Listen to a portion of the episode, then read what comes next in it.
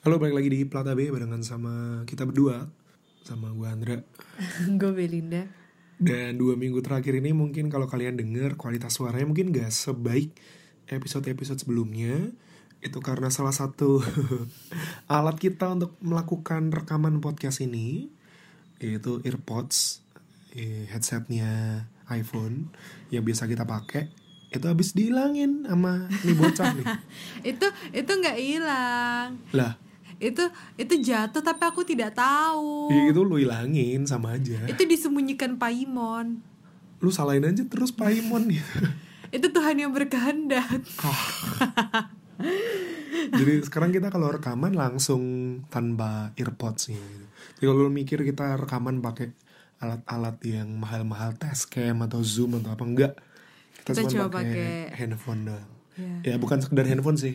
iPhone. iPhone second tapi itu adalah hari tersedih dalam hidup gue sih Waktu earpods waktu hilang. gue sadar dia itu nggak ada terus, Terus? gue kayak baper gitu karena gue cari di tempat awal gue merasa menghilangkan itu ternyata nggak ada terus gue tuh kayak harus berpisah dari gue gue tuh lebih bahagia kalau barang itu rusak sih daripada barang itu hilang maksudnya kalau rusak kan berarti gue udah menggunakannya dengan puas sampai rusak tapi kalau hilang itu kan berarti gue belum puas dan itu hilang Dan itu sebenarnya yang kesel bukan cuma lu doang sih. eh siapa Gue kesel banget gitu. tuh.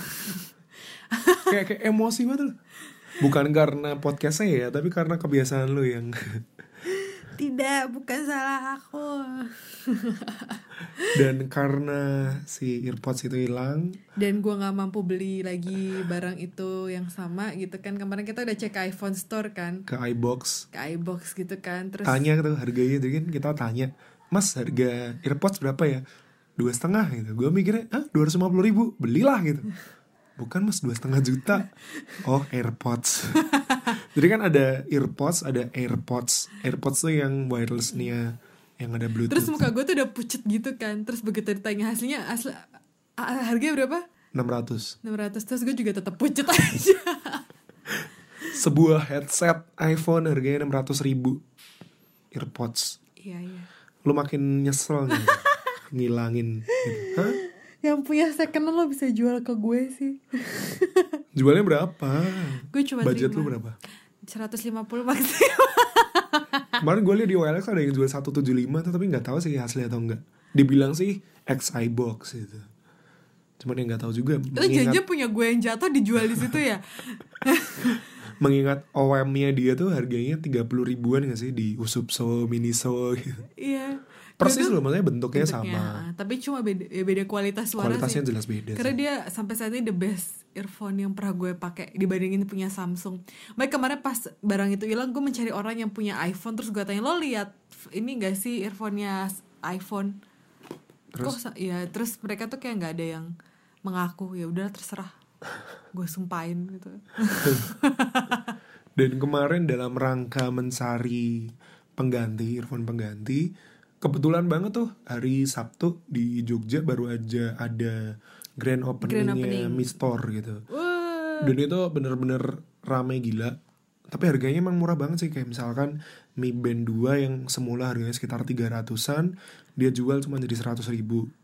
Terus si earphone-nya dia yang semula harganya sekitar 80-an ya, 70. 70-an cuman jadi 10.000 ribu doang gitu Mm-mm. dan hari H itu kebetulan kan gue titip tuh sama temen gue temen kantor gue kebetulan dia lagi nggak ada gawean terus gue titip sama Hmm. dia buat ngantriin dia sampai tempatnya udah pasrah gitu katanya antrinya udah keliling mall Dia di lantai berapa? Lantai satu lantai ya. satu iya. Sampai ground floor. sampai ground floor tuh udah full orang ngantri cuman buat ya itu istilahnya flash sale offline gitu jadi bener-bener rame banget dan kita baru kesana kayaknya sehari setelahnya gak sih iya ya, sehari apa dua hari gitu setelahnya. Iya, kesana terus ngecek gitu dan tokonya kecil tempatnya yang gak segede-gede apa itu sama iBox kayaknya gedean iBox gak sih atau sama ya Kita sama iBook sama deh, sama Samsung yang gedean Samsung. gedean Samsung ya gedean gedean Samsung store-nya dan di sana tuh emang jual banyak banget bukan cuman gadget tapi benar-benar semua produknya Mi ada di situ ada mulai dari pulpen gitu terus selfie stick ya yang paling gue heran sebenarnya ada anduk di situ Ya gue gue bingung, gue kira itu apaan itu loh. Di depan itu apa sih bantal apa apa ternyata anduk. gue gue mikir ya itu anduknya ada teknologi apa itu sampai harganya sekitar 60 atau 80 ribu gue lupa jadi si anduk itu apakah ketika lu pakai terus ntar bakteri-bakteri di tubuh lu tuh akan diupload masuk ke virus filenya mi atau gimana gue nggak paham kadar kekotoran diri lo gitu ya Iya, terus kayak persentase kadar kekotoran lu kan akan keluar di layar HP lu apa gimana gue ngerti juga gitu apa faedahnya mie jualan anduk gitu dan anduknya pun yang nggak gede-gede amat atau yang misalkan lu pencet ntar dia bisa jadi dua kali lipat ukurannya itu enggak juga Iya. gue kemarin sampai pegang lihat bolak-balik itu kayak nggak menemukan apa keistimewaan sebuah anduk yang dijual di mistor gitu tapi gue kalau masuk Mister pede sih kenapa ya mau sendal jepitan kayak orang mampu beli gitu kan kalau gue masuk sendal jepitan masuk ke iBox tuh gue kayak Iya. masuk ke iBox masuk ke Samsung kayak tuh kayak Iya, salesnya tuh udah males gitu loh kayak marketingnya salesnya udah udah nggak nggak nanggepin gitu. udah kayak udahlah mbak ya mau lihat-lihat doang terserah Kalau gue sih masih agak pede kalau ke iBox itu kan tinggal ngeluarin iPhone walaupun iPhone lama gitu. Iya, pede kan kalau gue gue kalau masuk iPhone or Samsung tuh kayak ah, enggak lah nggak usah Begitu di Mi Store kemarin pun kayak setelah udah nggak yang diskonan itu masih rame juga sih masih banyak orang yang ngantri Hmm. beli barang mereka soalnya masih ada bonusan kayak misalkan lu beli apa ya kemarin Redmi Note 5 atau apa dapat Mi Band 2 oh gitu iya kalau beli headsetnya doang dapat apa Mi Band lu harap apa anduknya kali jadi lu pakai headset sama anduk buat olahraga gitu tujuannya kemarin yang gue taksir itu sebenarnya sih bluetooth earphone-nya sih kayak gue pengen gitu punya Kode Bluetooth ya? earphone. sama sama gue pengen Amazfit Beep gitu. hah kode Jamnya. kode, kode, juga mau ulang tahun ya kode ya gue gak inget ulang tahun lo jahat jadi kemarin di Mi Store kita nyoba nyobain earphone-nya ya enak sih ya murah standar sih tapi Iya. gak sebanding sama earpods lu kan kesel gue masih kesel nih lu ngilangin kayak gitu, kan? gituan aku aku juga kesel kok aku masih percaya Paimon yang menyembunyikannya apa-apa dia akan kembali pada waktunya no itu kesalahan lu sendiri Enggak. Itu gara-gara gue pakai tas murah oleh-oleh dari Thailand. Itu- Itu gara-gara gue gak pakai tas yang biasa gue pakai atau gue menyemplungkan ternyata dia tidak berlubang. ah kesel Gue juga kesal. Oke, lanjutkan. dan ketika lu gue pinjemin earphone gue yang harganya mahal juga lu malah nggak demen kan gue coba komentar, nggak enak. Oh, iyalah in ear buat in ear monitor lu pakai buat dengerin musik ajeb-ajeb Nggak ada. Nggak Dia enak suaranya tahu, Skrillex flat nggak gitu. kedengeran. enaknya itu Nah, ya enaknya dia flat gitu dan sound stagingnya luas gue nggak ngerti apa-apa. lu nggak bisa bedain Nggak bisa bedain. Enak dan gak enak udah itu aja. Jadi Mistor itu baru buka banget minggu-minggu ini di salah satu mall di Jogja, Hartono Mall. Iya, Lo tuh kayak kita lagi disponsori ya, enggak kan? Enggak, enggak, enggak. ada brand earphone aja nunggu gaji ya Allah Mau beli earphone dulu aja nabung gitu. mau beli earphone tujuh puluh ribu loh 70 ribu itu. Kalau 10 ribu kemarin mungkin kita bisa ya. Puasa satu hari gitu. gue beli tiga itu buat kalau hilang masih ada cadangannya itu tujuh puluh ribu gitu beli nggak ntar lah nunggu gaji Gembel, gembel. Dan kebetulan di Hartono Mall, kalau misalkan lo yang tahu Hartono Mall itu kan letaknya di Ring Road. Ring Road utaranya Jogja. Nah ketika lo nyebrang tuh, nyebrang Ring Road. Jadi ke arah utaranya Hartono Mall. itu ada ya? restorannya ada restoran Iya. Enak yang banget. enak, murah, dan salah satu yang masuk ke list restoran murni, murah dan nikmat di Jogja. Jogja Itu- Hmm. gede banget ya gede banget tempatnya Enggak, lah, oh iya tempatnya kecil, dia ini hot plate kan hot plate, tapi juga ada Chinese food Chinese food sama pepper lunch Jauh lah. Jauh Ada- harganya, jauh jauh harganya. harganya dia dia Chinese food kok bisa seperlimanya lah harganya. Jadi untuk hot plate-nya dia tuh kisaran harganya sih belasan ribu. paling mahal kemarin berapa 14, 15. No no no no. Yang udang apa apa gitu. Nih, sekitar pokoknya nggak sampai 20 ribu kan tapi. Dan itu bisa buat berdua nggak sih? Iya. satu satu porsinya tuh bisa buat berdua Hot jadi plate-nya sendiri. Mm-mm. Tapi kalau yang lainnya buat kayak misalkan dan favorit lo apa di situ bun tahu. bun tahu jadi kayak sup tahu gitu terus pakai telur Supnya kental gitu dikentelin sama apa ayam, ayam sama udang satu biji udangnya satu biji. ibunya baik banget gue terharu kalau gue jadi sih gue mending gak usah ngasih udang Dia kamar bolanya juga lumayan kemarin. Harganya sih relatif murah di bawah per porsinya itu di bawah 25 lah. Bun tahunya kemarin berapa sih? dua belas ribu kau Murah banget ya. pokoknya makan berdua dua lima Makan berdua 25. Iya. Udah pakai nasi. nasinya satu tapi Minumnya es teh tawar.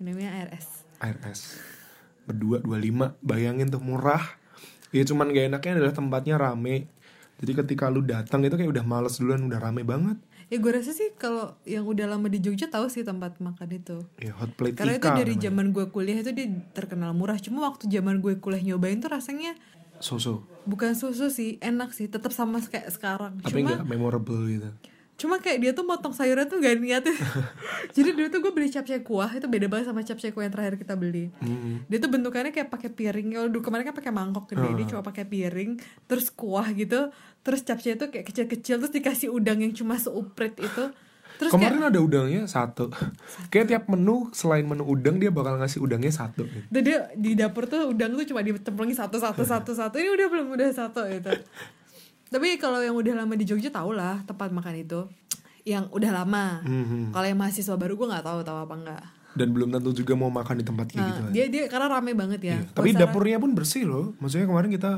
waktu makan di deket taman dapurnya yang nggak sejorok yang gue pikirin sih. dulu waktu gue kesana tuh jorok banget Oh gitu. waktu awal banget gue Dia kesana tuh- masaknya di mana di toilet gitu.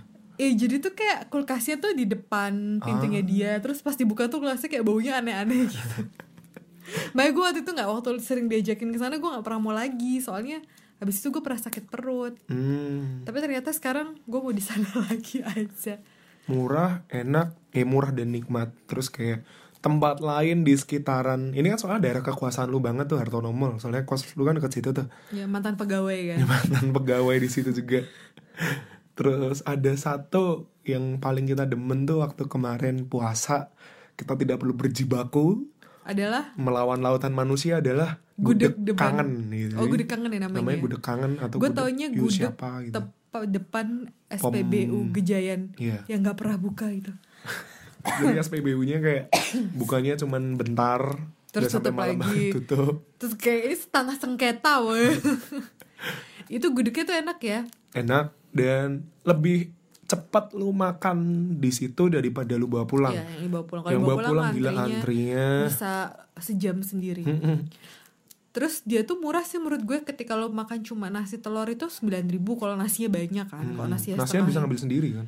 Ah, kalau dibungkus tapi beda banget. Oh gitu. Kalau nasinya setengah tuh setara sama kayak kita nasi ngambil sendiri. Hmm. Tapi kalau kamu ngambil sendiri itu tukannya satu Oh, gitu. Itu harga ya lumayan sih. Kemarin gue beli gudeg deket sekolah nggak enak 10.000 ribu. itu udah pakai telur, pakai gudeg sambal goreng dan arehnya itu 9000 doang. ya? Lu pernah pakai ayam gak sih waktu itu? Enggak. Bukannya pernah Sayap. ya? Sa- Ya, ay- sayap ayam. Iya, itu berapa? 12 ya? 12. 12. 12. Itu kalau sayap. Hmm, Tapi kalau kalau yang gede tuh bisa 16-an. tapi lumayan sih maksudnya. Kalau lu bandinginnya sama salah satu gudeg terkenal di Jogja. Oh, Yujo maksud lo. gue nggak mau nyebut nih. Kenapa lu sebutin mereknya? Yujo udah mati orangnya. Ya Tuhan. itu Jadi, mahal banget. Mahal mahal banget. Tapi ya kalau misalkan lu ngajakin temen lu yang dari luar kota, mendingan ke Yujum sih jelas maksudnya suasananya dapet Jogja bangetnya. Tapi nggak perlu berjibaku dengan lautan manusia itu tadi. Eh berjibaku tahu. Ya tergantung lo belinya Yujum yang di mana. Yujum deket UGM. Iya iya jelas lah kalau itu. Tapi kalau gue dulu dikasih tahu sama sepupu gue, cie sepupu ih yang mana ya? Itu katanya kalau misalnya lo beli gudeg tuh jangan beli di tempat yang kayak gitu, Yujum, Selamat. Kok gue coba Selama tuh bukan bebek goreng. Eh? Bukan, ada eh, Ada. ya? ada sampingnya Yujum itu loh. Oh, Selamat bukannya bukan. apa? Nggak tahu. besok, kita- besok kita cek Iya, ya pokoknya di jajaran wisata gudeg itu itu kan mahal Gudeg mahal songji ya gitu ya. oh, itu mahal mahal banget kalau kata saudara gue lo mending beli gudeg memang di pinggir jalan karena rasanya tuh lebih lebih nggak terlalu manis apalagi especially buat mereka yang orang-orang dari luar Jogja tuh kan nggak terlalu suka manis Mm, mm, mm. yang mending beli di luar aja di tempat yang kaki lima kaki lima gitu malah lebih enak dan lebih murah Itu gudeg. Ada juga sih gudeg yang lain cuman tempatnya agak susah gitu di Selokan Mataram. Eh, dia Di bedanya arah ke Jalan Magelang. Jadi antara Jalan Monjali ke Jalan Magelang, selokan Mataram. Selokan Mataramnya agak susah juga sih maksudnya mau, mau Sebelum lampu merah, sebelum lampu merah lampu merah yang kemana? ke arah Jalan Magelang, Oke, selatan jalan, selatan kiri jalan iya sebelum SD. sebelum SD. Namanya siapa ya? Gue nggak tahu. Kita Tapi itu serial- salah satu gudeg yang enak, dia ini gurih sih kalau menurut gue. gurih. Buburnya juga enak. Bubur yang paling enak, dia gurih. Gue suka ininya apa? Sambal gorengnya dia lebih berasa. daripada yang di gudeg kangen itu ya. Eh, kalau gue kangen tuh yang enak arehnya. arahnya benar-benar Jadi lu makan nasi pakai areh aja. dia tuh enak gue pernah nih makan beli di gudeg kangen lauknya nggak kesentuh karena gue cuma makan nasi pakai areh sama remukan gorengan gitu Dia paling enak pakai remukan atau sisa-sisa tepung gorengan gitu. jadi kayak ke sogian gudegnya bergabung and dengan creamy. crispy Eh, ih. Tapi kita kita cuma akan makan itu saat bulan puasa karena nggak ngantri. Kalau kalau Kalau hari-hari pagi, sekarang gila. iya. nggak mungkin gue bisa Ngantrinya. terlambat masuk kerja jelas. lo masuk jam 7 dia antri Ada yang mau buka jastip nggak sih di sana? Justin Jastip gudeg kangen nih. gue nitip deh tambahan 2000 nggak apa-apa. soalnya emang enak sih emang enak emang enak salah satu gudeg yang enak gudeg pagi yang enak menurut gue tapi beberapa teman gue sih nggak suka nggak sukanya karena antri sih Ya, karena memang antrinya nggak ma- nggak masuk Antrinya akal nggak masuk banget. akal ya, nggak manusiawi. Belum lagi kalau tukang parkirnya nyebelin kan. Iya gue pernah mau berantem sama tukang Ya, parkir gara-gara dia nggak, jadi dia nggak mau ngeluarin motor terus minta dibayar gitu kan, terus dia ngamuk-ngamuk gitu salah kita. Tuh gudeg Terus makanan yang murah dan nikmat di Jogja ini salah satunya yang paling gampang lu jumpain adalah penyetan gue mau bilang olive fried chicken.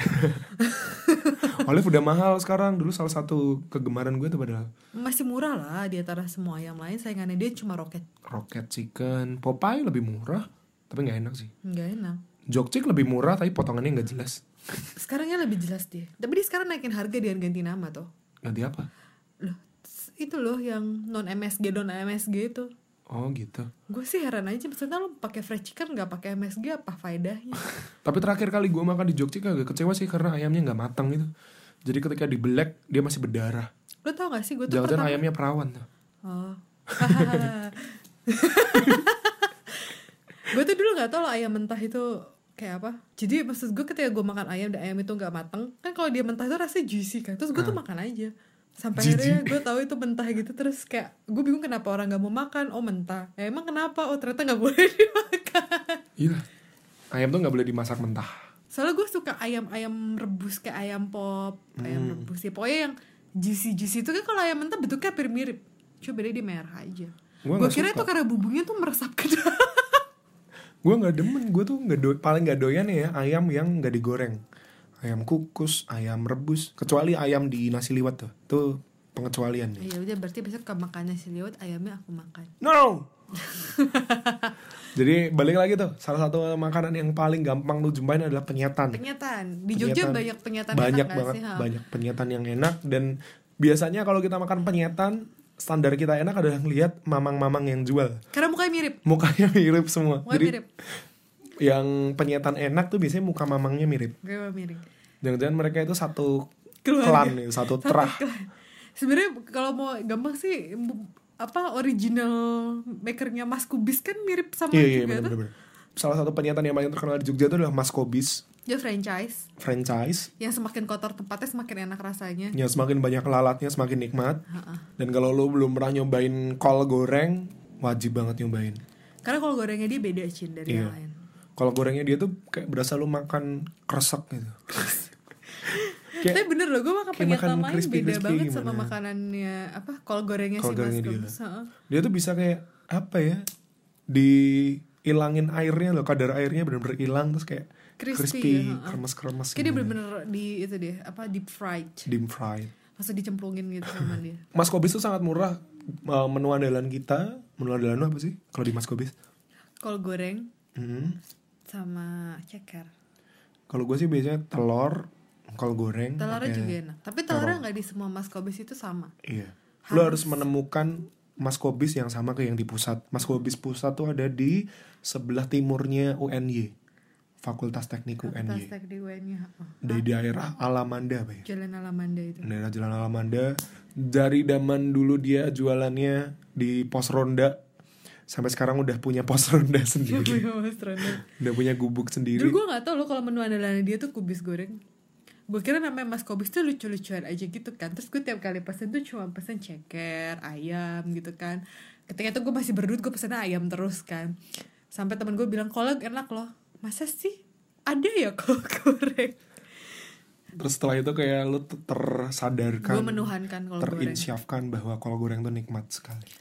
Terus sambelnya dia sih sebenarnya standar Biasa ya, tergantung banyak cabai lu berapa, ketahanan lu berapa. Mm-hmm.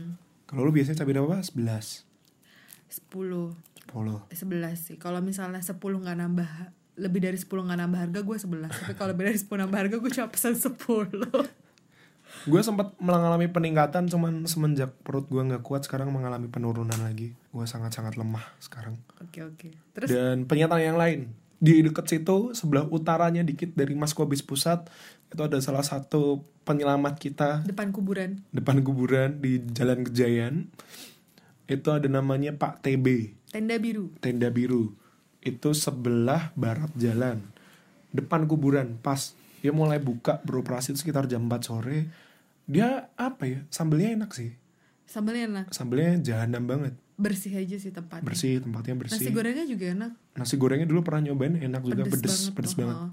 kayak kamu makan nasi di Bekasi sambal bawangnya gitu cuman semenjak yang ngulek sambal bukan si Pak TB-nya lagi emak eh, istrinya tuh istrinya kayak nggak terlalu pedes gitu istrinya tuh dulu katanya kerja di daerah situ dia terus kayak dia mungkin udah keluar kali ya terus bantu suaminya bisa jadi Dulu tuh Pak Tebingnya tuh enak kalau bikin sambal. Iya. Tapi dia tuh suka me- meremehkan orang lain gitu loh.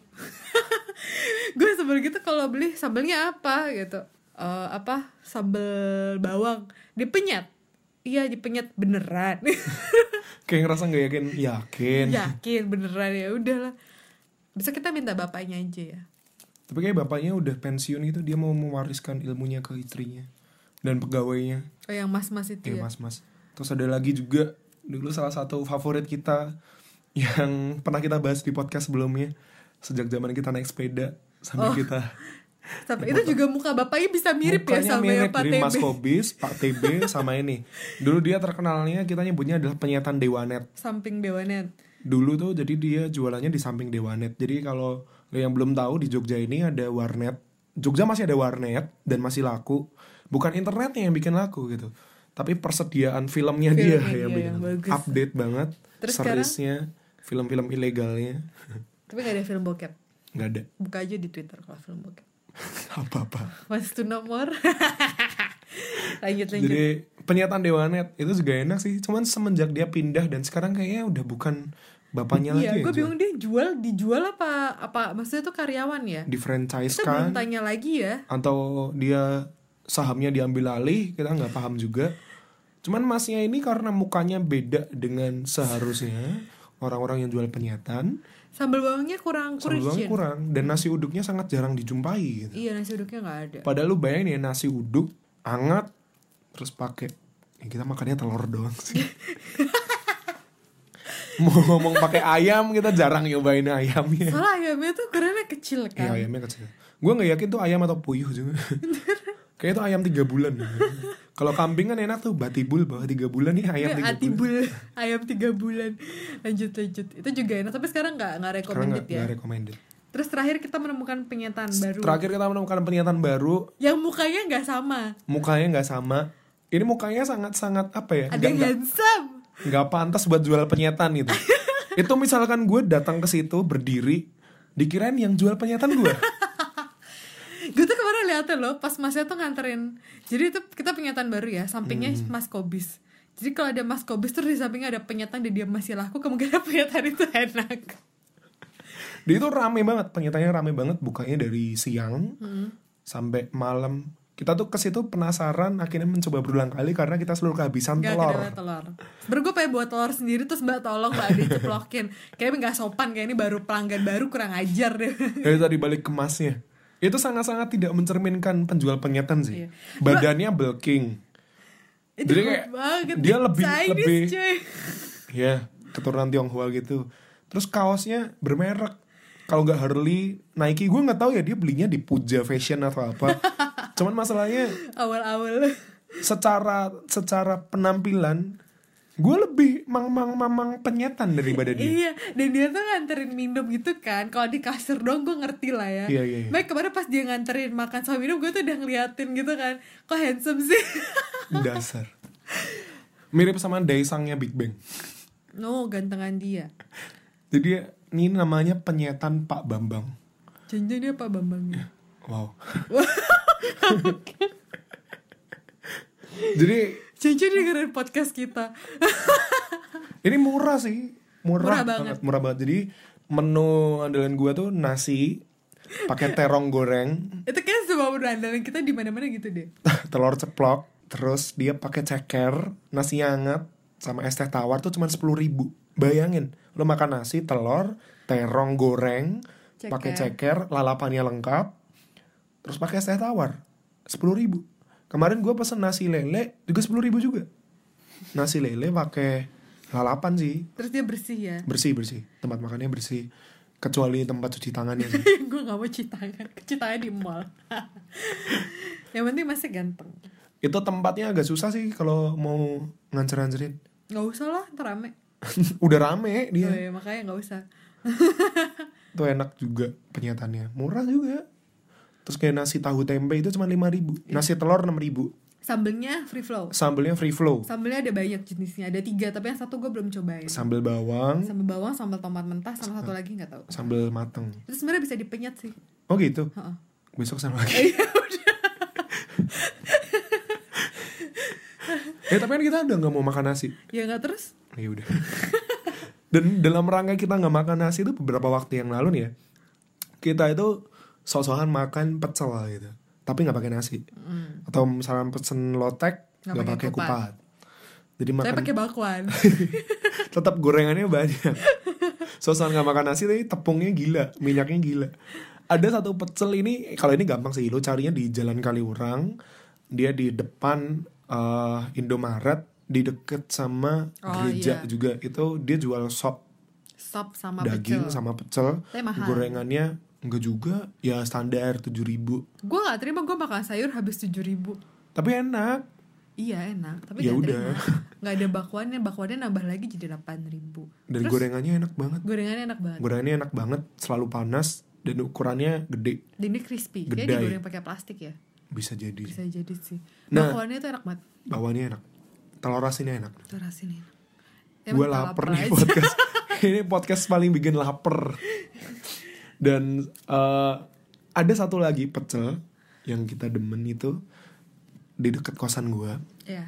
itu murah banget pecel 3000 ya itu pes- pecelnya tuh bisa lo pesen tiga ribu tujuh ribu lima goceng ribu bisa tergantung boleh lo pakai bisa. nasi nggak- bahkan tiga ribu Boleh tuh bisa pakai dikasih bakmi. mie Mm-mm, kasih bakmi gorengannya 2000-an tiga gorengannya juga enak anget terus hangat terus cuman beberapa waktu ini dia tutup gitu iya ya semenjak gue balik dari after lebaran tuh tutup ya tutup terus dan udah dirobohin jadi udah nggak nggak ada jadi dia tuh bener-bener deket sama kos gue kan cuman sekitar 20 meter paling dari kosan gue gue jalan ngesot nyampe guling-gulingnya nah itu udah nggak ada lagi tempatnya gitu jadi kan dia kayak pakai kelebihan teras rumah gitu loh itu udah nggak ada lagi segerobak-gerobaknya selemarinya udah nggak ada semua sampai pagi ini Kita mendengar berita. gue mendengar berita pergunjingan bahwa tahu nggak gitu si kerabat dari penjual ini suaminya ternyata kemarin adalah salah satu dia korban atau pelaku ya yang ditembak dari hasil baku tembak waktu kemarin ada tindakan terorisme di Jalan Kaliurang atas gitu. Gua masih belum tahu simpang siur masih simpang siur banget beritanya. Jadi kejadiannya kayak gimana, tindakan terorismenya. Cuman tadi pagi banget salah satu penghuni kosan gue itu cerita gitu. Dia nggak jualan karena ini. gitu. Terus gue shock gitu. Berarti selama ini gue mendanai kita jadi investor utama tiap pagi kita makan di situ kan kita member tetap gitu. tapi gue gue nggak kira sih kalau em- ya maksud gue gue kira dia Muhammadiyah banget kan Mm. mengingat anaknya sekolahnya di sana terus ya nggak kelihatan Hmm. Yang maksudnya nggak kelihatan sangat-sangat- penutup iya, iya. Hmm. gitu kan cuma ya ya nggak tahu sih gimana rasanya lu sebagai salah satu penyumbang dulu kita kalau di sana jelek-jelekin teroris Iya, kita kalau makan di situ tuh ngomongin orang gitu kita ngomongin kan. apa waktu itu "Ah, itu editor di Surabaya sosokan orang sosokan apa sosokan bilang gak takut takut mah takut aja kali gitu siapa yang gak takut sama orang orang ber apa berburka gitu Jadi kita sering berkontemplasi di situ untuk bahan podcast. Kan kita ketemu seringnya pagi tuh. Ngobrol ambil sarapan, terus kayak ternyata jujur itu memicu dia kali ya Iya. Ya, kamu tahu mbak mbak sama mas mas yang sering kesini tuh dia kafir lah kena tuh gimana kalau kita melakukan tindakan ini supaya bisa masuk podcastnya dia gitu. Siapa yang denger podcast ini? goblok Iya. tapi gue gue kaget sih maksudnya emang kok dia gak buka-buka kita kan masih positive thinking kok masih Iya, pulang iya, iya. kampung Tapi gitu sampai kan. ketika itu udah dirobohin, gue mulai mikir sih maksudnya apakah kontrakannya habis? Gue tanya pindah apa enggak? Nggak ada yang tahu gitu.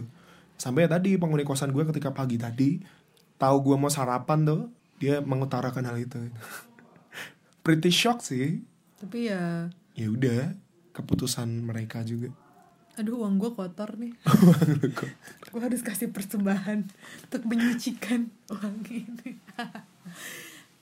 Eh, ya udah kayak ya overload nih kayak gitu dulu podcast kita minggu ini. Sampai jumpa minggu depan di podcast kita berikutnya. See ya, Bye. bye.